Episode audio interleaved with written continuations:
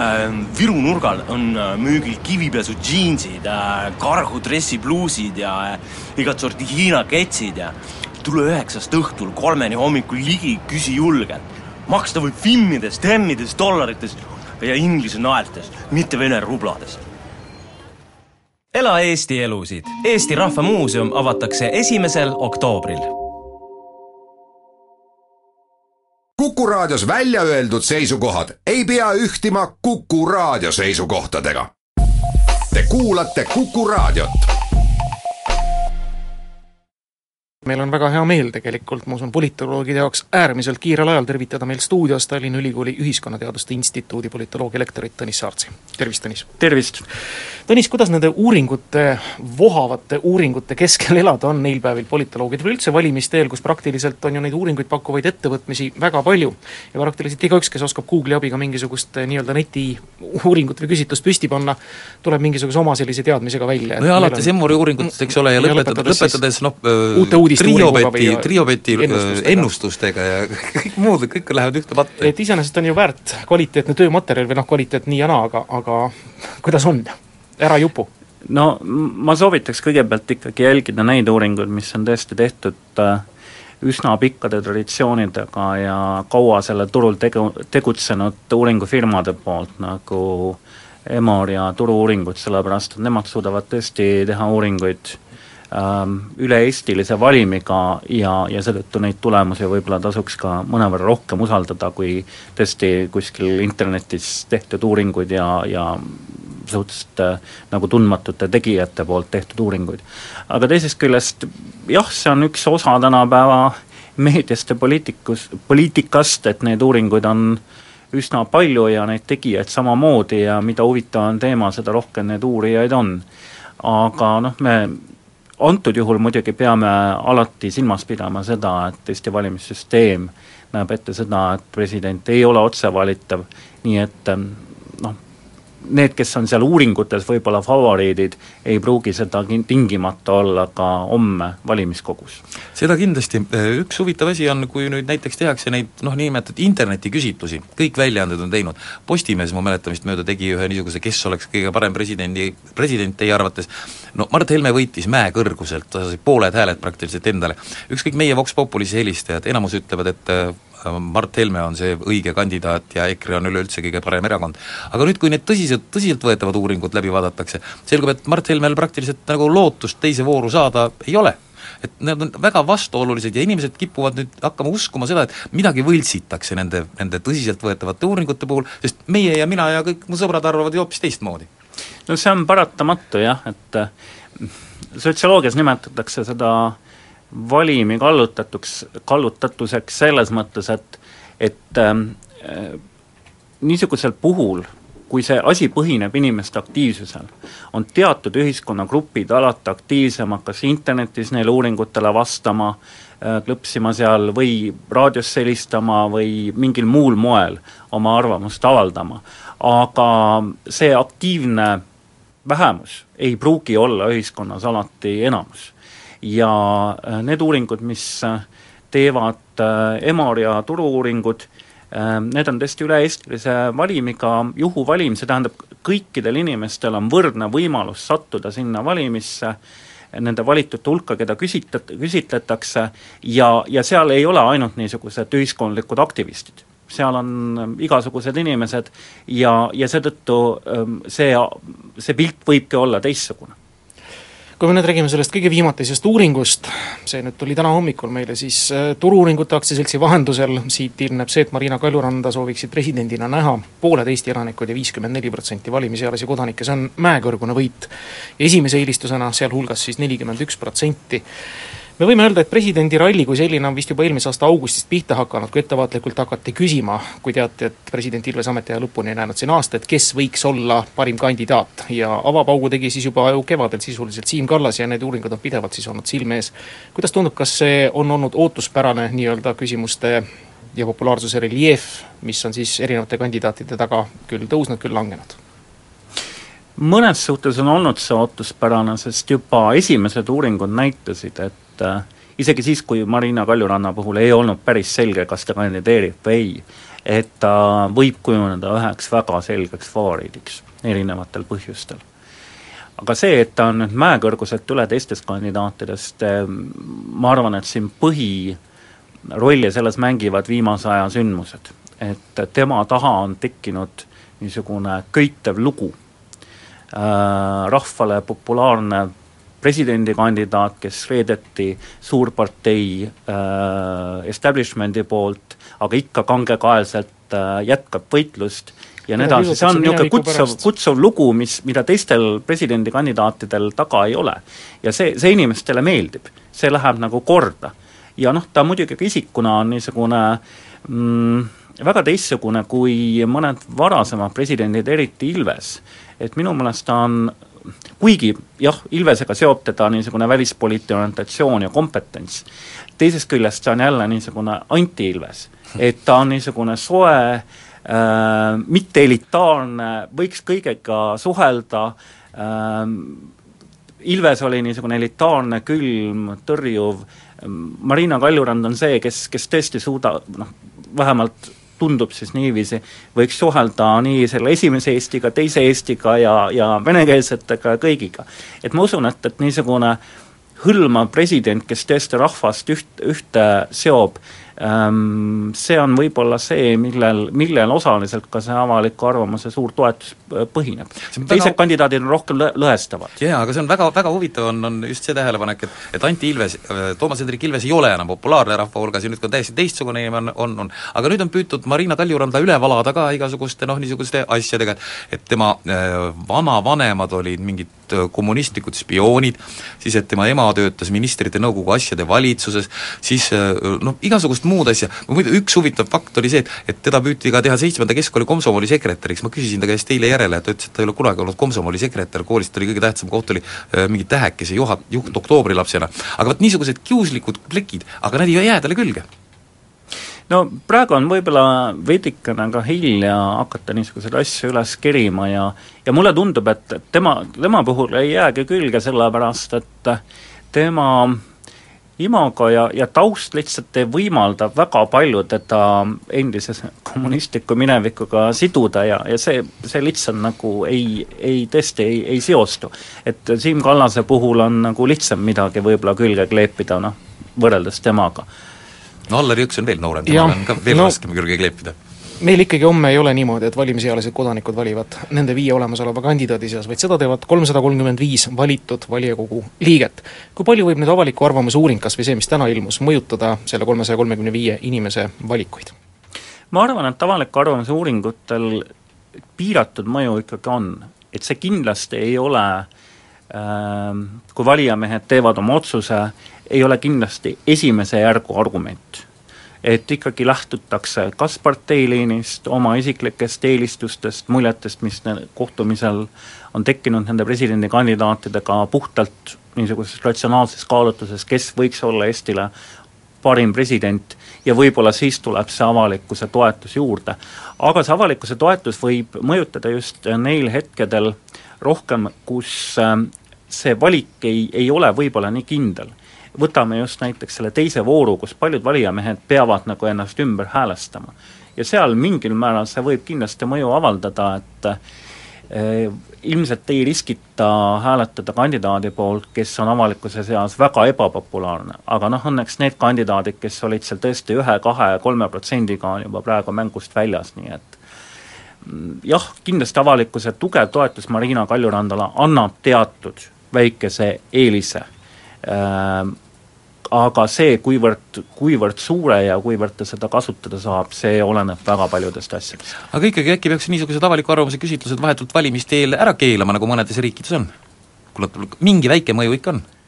no antud juhul ähm, me ei räägi ju tavavalijatest, kes valiksid presidenti, et me räägime valijameestest ja siin tegelikult idee on ikkagi see, et et see valik peaks olema palju niisugune kaalutletum ja ratsionaalsem kui see, kui läheb inimene, kes eriti poliitikast ei tea, lihtsalt valimiskasti juurde ja puhtalt äh, näo järgi valib, mis, mis tavavalijast, valimistel, otsevalimistel võib juhtuda, eks ole, see on paratamatu nüüd me jõuamegi lähemale juba homsele päevale ja valijameeste valikule. Tõnis Saart, sellest on palju juttu olnud, aga kas teie hinnangul on prognoositav see, mis homme sündima saab? ma arvan, et see, mis homme sündima hakkab, on üsna prognoosimatu. Et äh, kõik äh, uuringud, küsitlused valijameeste seas, neid on olnud nüüd terve hulga erinevatest meediaväljaannete, erinevate meediaväljaannete poolt tehtud, näitavad seda, et on kolm favoriiti. Kallas, Kaljurand ja Reps.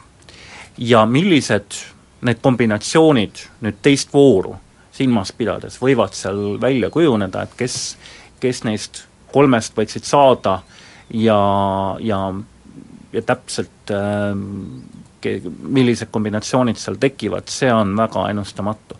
aga ma arvan, et see, kes ähm, millise, kes need kaks kandidaati on, kes saavad sinna teise vooru, ähm, sellest hakkab väga paljuski sõltuma ka nende valimiste tulemus, selles mõttes, et äh, kui on teatud seltskond, kes tahab seda protsessi valimiskogus äh, põhja lasta ja, ja protestida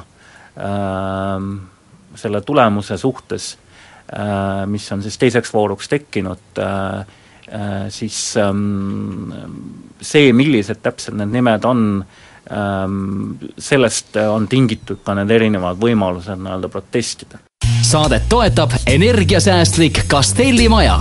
mõistlik lahendus. Vox Populi jätkame nüüd saate tegemist koos teiega, head Kuku raadio kuulajad, meil on stuudios politoloog Tõnis Saarts telefon kuus kaks üks neli kuus neli kuus, kui tal on, teil on temale esitada mõningaid küsimusi presidendivalimiste kohta ja ka nende arvamuste kohta, mis enne seda, mida inimeste käest uuritakse, kui tõesed need on, olge kenad, helistage, räägime siis sellest homsest päevast, presidendivalimistest, mis see homne päev võiks endaga kaasa tuua. ongi esimene helistaja liinil, tervist! tervist!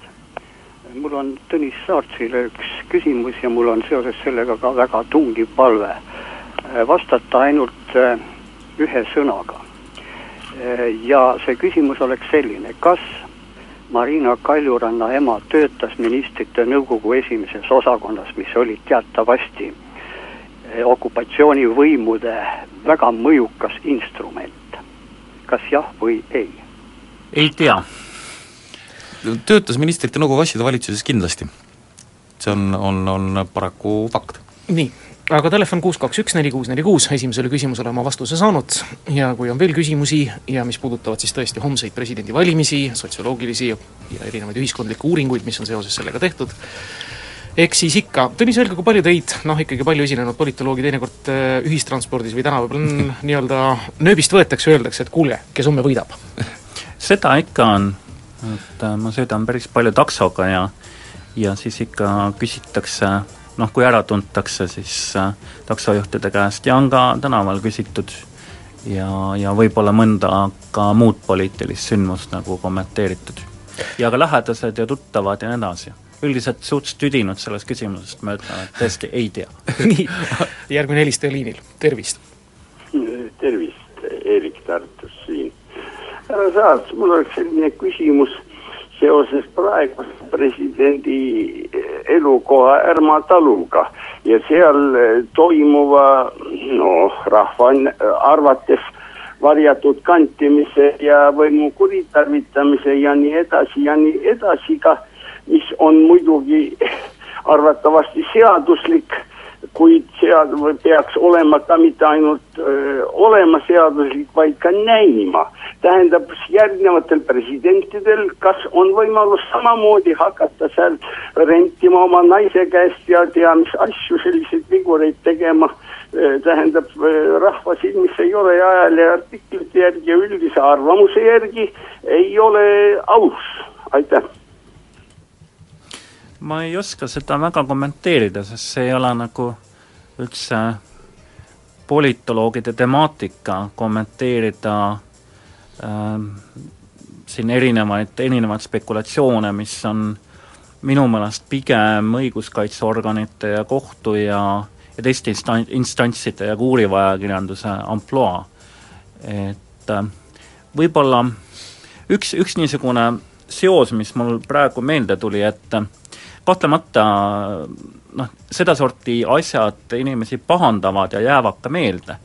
ma mäletan, et kui kaks tuhat üks Lennart Meri ametist lahkus, siis ma olin toona uuringufirmas Emor ja me tegime sotsioloogilisi küsitlusi ja küsisime seda, et mida negatiivset just Lennart Meriga inimestele meelde jäi, et milline sündmus või, või, või otsus ja nii edasi, ja noh, me ise arvasime, et, et võib-olla tõesti mõned niisugused väga äh, problemaatilised sisepoliitilised sammud siin, juulilepped ja, ja ta vahetas ju korduvalt ka kaitsejõudude juhte suhteliselt nagu ootamatult ja see tekitas palju avalikku tähele äh,, avalikku pahameelt, et võib-olla niisugused noh, poliitilist laadi otsused jäid nagu inimestele meelde.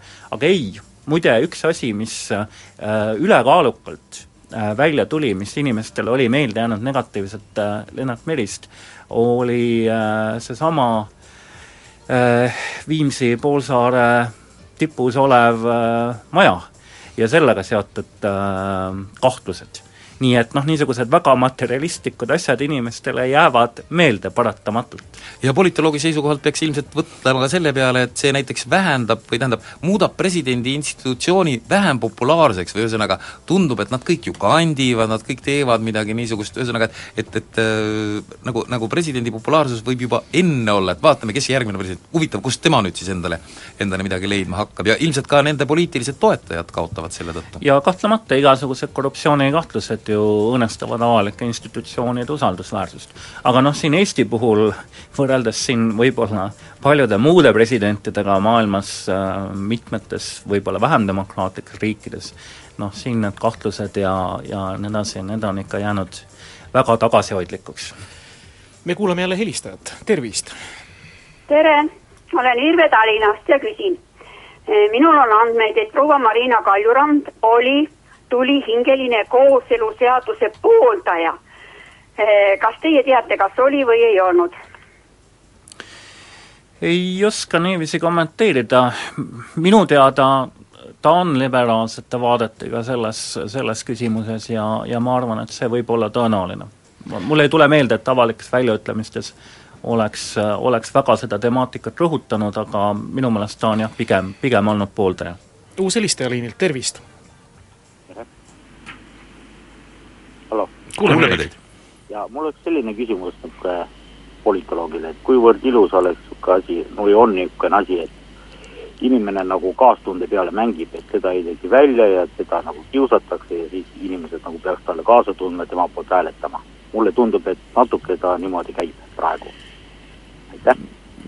ilmselt siis peetakse silmas Marina Kaljuranda, jah, kindlasti nagu see aspekt, et tõepoolest Reformierakond, kes oli lubanud talle, et, et ta toetab äh, Marina Kaljuranda valimiskogus ja siis äh, viimasel hetkel otsustas teisiti ja see näis nagu niisuguse petmise ja reetmisena, ähm, see pigem on täna Marina Kaljurannale tulnud kasuks. et äh, ta on mingil määral niisugune märter või, või jah, ta saabki sellele märtri imidžile nagu mingil määral oma toetusbaasi ehitada. raadiokuulaja küsis, et kas see on ilus või inetu, ilmselt poliitilises võitluses ei ole väga ilusaid ja inetuid, see on poliitiline märterlus ja, ja sellele mängimine, noh vaatame Eesti poliitikat, äh, minu meelest Edgar Savisaar on olnud musternäide aastakümneid sellele mingil määral mänginud, no mitte ainult, aga see on olnud üks üks niisugune mm, oluline tegur. Telefon kuus kaks üks neli kuus neli kuus on taas helisenud, tere! Äh, tervist, mul oleks küsimus Tõnis Sartsile, et et teatavasti iga kuu ilmuvad need erinevad äh, parteide noh, toetusnumbrid. ja siis on alati mõne politoloogi kommentaar või, või sotsioloogi sealjuures. no ja siis ma olen alati imestanud, et nagu need sotsioloogid või politoloogid on väga raskes olukorras, noh küsitakse, et miks näiteks Reformierakond neli protsenti tõusis, aga ütleme, sotsid kolm protsenti langesid. ja mul on jäänud mulje, et noh, tihtipeale on, on see vastaja sunnitud nagu, nagu noh, kuidas ma ütlen, noh, lihtsalt midagi välja leiutama, noh et näiteks, et praegu on suvi ja inimesed poliitikast ei hooli ja, ja et mind on alati huvitanud, et mida nagu sotsioloog või poliitik tegelikult see, sel korral mõtleb, et kas ta lihtsalt vastab kõhutunde põhjal või või toetub ta mingitele andmetele või noh, lihtsalt mõtleb välja midagi, sest noh, nii ka ei saa ju, ei, ei saa ju öelda, et no mul ei ole õrna aimugi, miks ühe erakonna positsioon tõusis ja teine langes. see on väga hea küsimus, väga hea küsimus. et äh, jah, kahtlemata kui küsitakse seda kommentaari, siis äh, noh, meedia loomulikult eeldab, et äh, mingisugust, mingisugune põhjus või vastus äh, tuleks anda, aga noh, mis mõnevõrra seda nagu lihtsustab, on see, et valijaskonnas ja kõikidel erakonnadel on teatud äh, ujuv osa valijatest, kes äh, võivad, kellel ei ole väga selget niisugust erakondlikku eelistust. Ja seetõttu nad tihtipeale võivad reageerida erinevatele meediasündmustele, et mõnda erakonda või persooni on näidatud positiivselt või negatiivsest küljest, rohkem või vähem tähelepanu saanud see erakond meedias ja seetõttu võib eeldada, et äh, lähtuvalt äh, sellest, neist, äh, sellest meediainformatsioonist see ujuv osa valijaskonnast siis vastavalt läheb ühe erakonna tagant ära või toetab rohkem teist erakonda, aga peab ütlema, et, et niisugused väga kindlaid andmeid meil selle kindlaks tegemiseks ei ole, et, et siis me peaksime küsima tõesti järjest neid samu inimesi, kes on varem seda erakonda toetanud, nüüd oma eelistust muutnud ja siis me saame konkreetselt küsida, et miks nad on muutnud. et sedasorti uuringuid me ei tee, aga me võime jah, suhteliselt noh, mitte ütleme sajaprotsendilise kindlusega, aga suhteliselt suure kindlusega tõesti öelda seda, et see ujuv osa on väga paljuski mõjutatav meediast ja, ja seetõttu noh, me võime tõesti öelda, et äh, meediasündmused neid, neid ka mõjutavad ühes või teises suunas. Vox Populi viimased kümmekond minutit on headel kuulajatel võimalus helistada numbril kuus kaks üks neli kuus neli kuus, küsida politoloogilt Tõnis Saartsilt seoses homse päevaga küsimusi. tervist, kuulame teid. halloo. tervist. kuuleme teid minu küsimus oleks selline, kuidas maailma praktika eh, väldib, on igal pool teada probleem, et presidendid ei ole allilma rahastajate poolt finantseeritud. mina olen aru saanud niiviisi, et see on alles peale selle, kui ta presidendi koha aeg täis saab, siis tulevad alati korruptsiooni ja need probleemid välja. ja kui vaadata meie asja, ega meilgi on see rahastamine parteide poolt väga siin suure probleemi ees, ei ole mitte kuhugi jõutud, kuidas neid asju vältida eriti kui me vaatame praegusel hetkel, et alllinnaliitudele makstakse riigi poolt veel sadu tuhandeid advokaadikulud kinni ja kõik asjad, ja kui veel kõige hullem oli, mis nüüd internetis oli, et et isegi suure alllinnaliitri politsei turvab oma suure bussiga eriüksuse meestega matust, mis peaks ikkagi nad ise suutma kinni maksta või üldse, miks see asi peaks nii karm ja selgeks ei räägita, tänan. jah, aitäh küsimusest, ma kardan, see sihtrühm oli nüüd vastaja näol, ma ei tea, kui Tõnis Sartsil on mingi vastus muidugi? Sellele küsimusele jah eks ta, eks ta jälle tekitab niisugust äh, institutsioonide noh, ebakindlust, et mis jama see on, miks politsei turvab noh, näiteks vana mafiooso, vabandust väljenduse eest, et ma nüüd ütlesin niimoodi, aga keda al-, arvati, et on allilma juht, noh, ühesõnaga ta mm. tekitab niisuguseid segadusi ja, ja tõepoolest kogu maailmas on ka ju kas või võtame Saksamaa kantsler, eks ole, kes pärast seda läks kohe tööle ühte torujuhet ehitama, mis meiegi siit merest läbi käib, niisuguseid asju on ikka, et aga hästi, ootame helistajat kuus kaks üks neli kuus neli kuus on taas vaba, valla siis teie küsimustele helis. Tõnis Sartsega kohati on ju niimoodi, et kohtudes ka tavainimestega, vastates küsimustele, kes ei ole ajakirjanikud, mulle meenub üks juhus, kas see oli vist Anatoli Tafitšukiga seoses, kui politoloogil tuli vastata küsimusele, kas kange kaheliitrine õlu kaob müügilt või mitte. kuidas sellistel puhkudel reageerida? minult ei ole niisugust küsimust küsitud, aga aga kohati jah, loomulikult äh, niisuguseid küsimusi, mis nagu üldse äh, üldse ühiskonnateaduste ja politoloogia ega sotsioloogiaga ei seostu, niisuguseid ikka tuleb ette ja ka ajakirjanikud küsivad neid. et ma olen lihtsalt öelnud, et see ei ole nagu minu, minu valdkond, et see on pigem õiguskaitseorganite või, või kellegi muu ampluaa. no jah, lihtsalt, et oi, tark mees ja, aga meil on helistaja liinil, tere! tervist! üks selline küsimus, mis päris ei ole küll politoloogile, aga kas kusagil on ära sätestatud, mismoodi toimub Riigikogus erakorraliste presidendivalimiste voor? mis tähendab erakorraliste? see on siis see, te mõtlete, et läheb valimiskogust tagasi? jah, just nimelt. no presidendivalimiste seaduses peaks olema sätestatud, nii et sealt saab tegelikult järgi vaadata. aga loomulikult jah, ähm, nüüd kui tõesti valimiskogu ebaõnnestub ja see läheb tagasi Riigikokku, siis äh, millised, millised erinevad äh, võimalused siin on, et see on praegu, siin on olnud ka erinevaid interpretatsioone, et tõepoolest äh, Riigikogu peaks hääletama senikaua, kui president valitud, teine interpretatsioon on, et läheb tagasi valimiskokku ja niiviisi jääbki pendeldama, kuni lõpuks saab valitud, et et kahtlemata, see, see on asi, mida tegelikult niisugust väga pikka protsessi see seadus ja üldse omaaegsed selle seaduse kirjeldajad tege-, või te-, tegijad, kirjutajad ei, ei näinud ette. Nad ei osanud lihtsalt selle peale tulla. jah, aga nüüd on öeldud, et see siis liigitub erakorraliseks valimiseks, mis toimub Riigikogus alates neljateist päeva jooksul, alates sellest, kui tõesti Vabariigi President jäi valimiskogus valimata. meil on taas helistaja liinil, tere! tere! selline küsimus, et eh, ma arvan, et enamus valijaid, kuuskümmend kuni kaheksakümmend protsenti ei tea poliitikatest, poliitikutest ja poliitikast suurt midagi, nad valivad meedia andmete järgi, kas, aga seda ei julge keegi välja öelda, et valija on tavaliselt, ongi rumal nagu ja ebakompetentne. ainult Nõmme raadiost, nagu öeldi siin välja, Margus Lepa arvab ka, et et nii on, mis teie arvate, miks te seda välja ei ütle?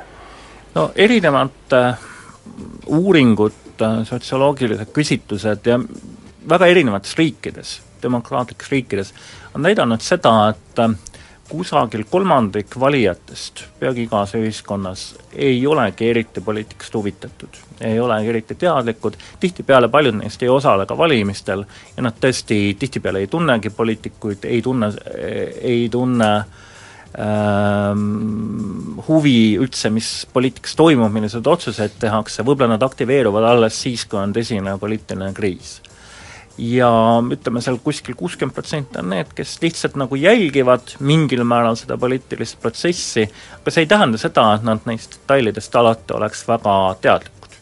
aga see teadlikkus äh, väga paljuski sõltub ka sellest, et mis on inimese äh, enda tegevusvaldkond, äh, huvi ja nii edasi.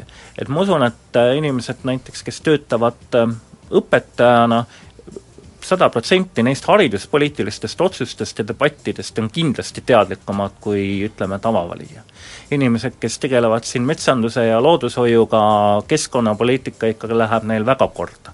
samal ajal näiteks mina keskkonnapoliitikast väga palju ei tea, sest see ei ole minu ala ei politoloogina ega, ega muidu ma ei ole selle valdkonnaga kokku puutunud nii palju.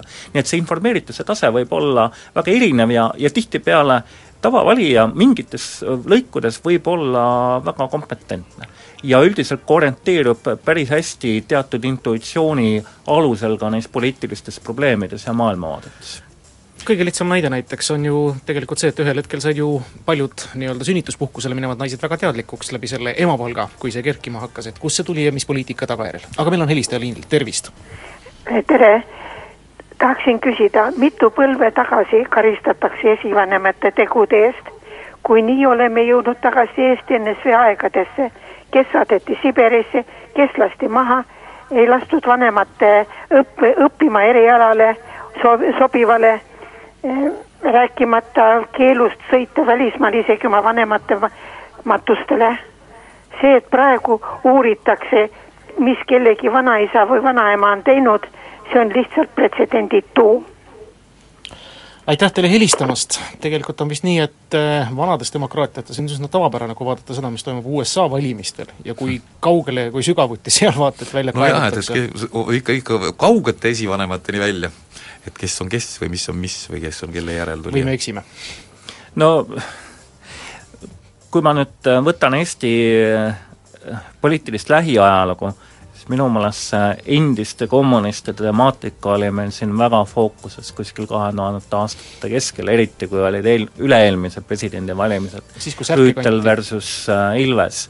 ja noh, on ka varem olnud, et ma ütleksin, et see nüüd viimasel kümne aastaga on isegi palju rohkem mm, ära vajunud või ei ole enam nii aktuaalne. mis ma arvan, et mõnes mõttes on ka hea, et et ähm, see ei saa olla põhiargument Äh, poliitilises võitluses, ähm, kes, ähm, kes mida Nõukogude ajal tegi ja noh, see põlvkond on ka suuresti poliitikast lahkunud. taas on helistaja liinil, tere! tere!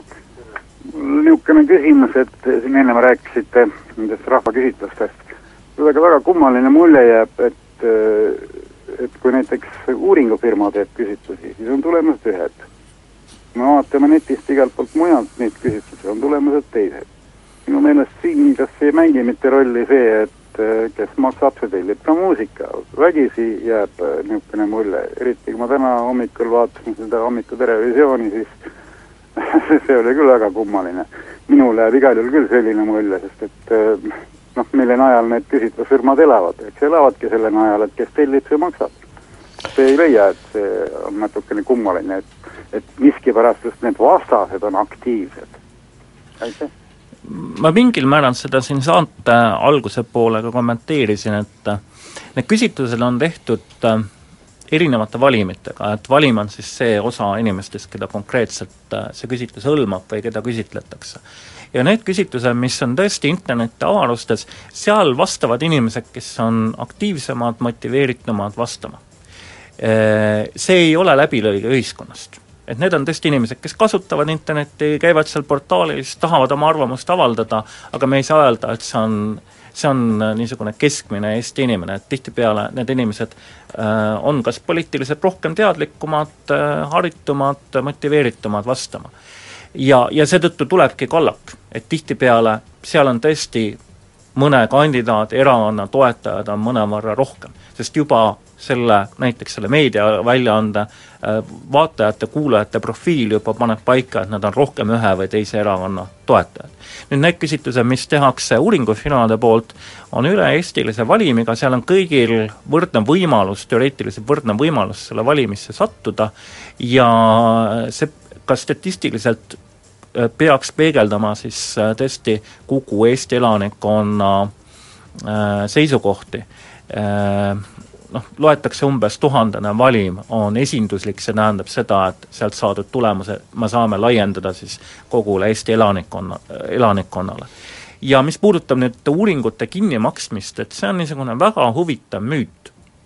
et kui me vaatame tänaseid Eesti uuringufirmasid, siis äh, jah, avalikkuses tõesti paljud, me teame neid, et nad teevad äh, neid samu küsitlusi ähm, erakondade toetuse ja kandidaatide toetuse kohta, aga nende enda käibest äh, need poliitikauuringud tegelikult moodustavad väga väikse osa. ja äh, hakata uuringufirmal riskima sellega, et äh, noh, niivõrd mm, väikse turuosaga uuringute pärast kellegilt hakata mingit raha sisse nõudma ja see kindlasti tuleb ka hiljem välja, et see on minu meelest niisugune vandenõu teoreet-, teo-, teooria hulka kuuluv asi, et no sellega ei hakka keegi riskima. kahju on suurem kui kasu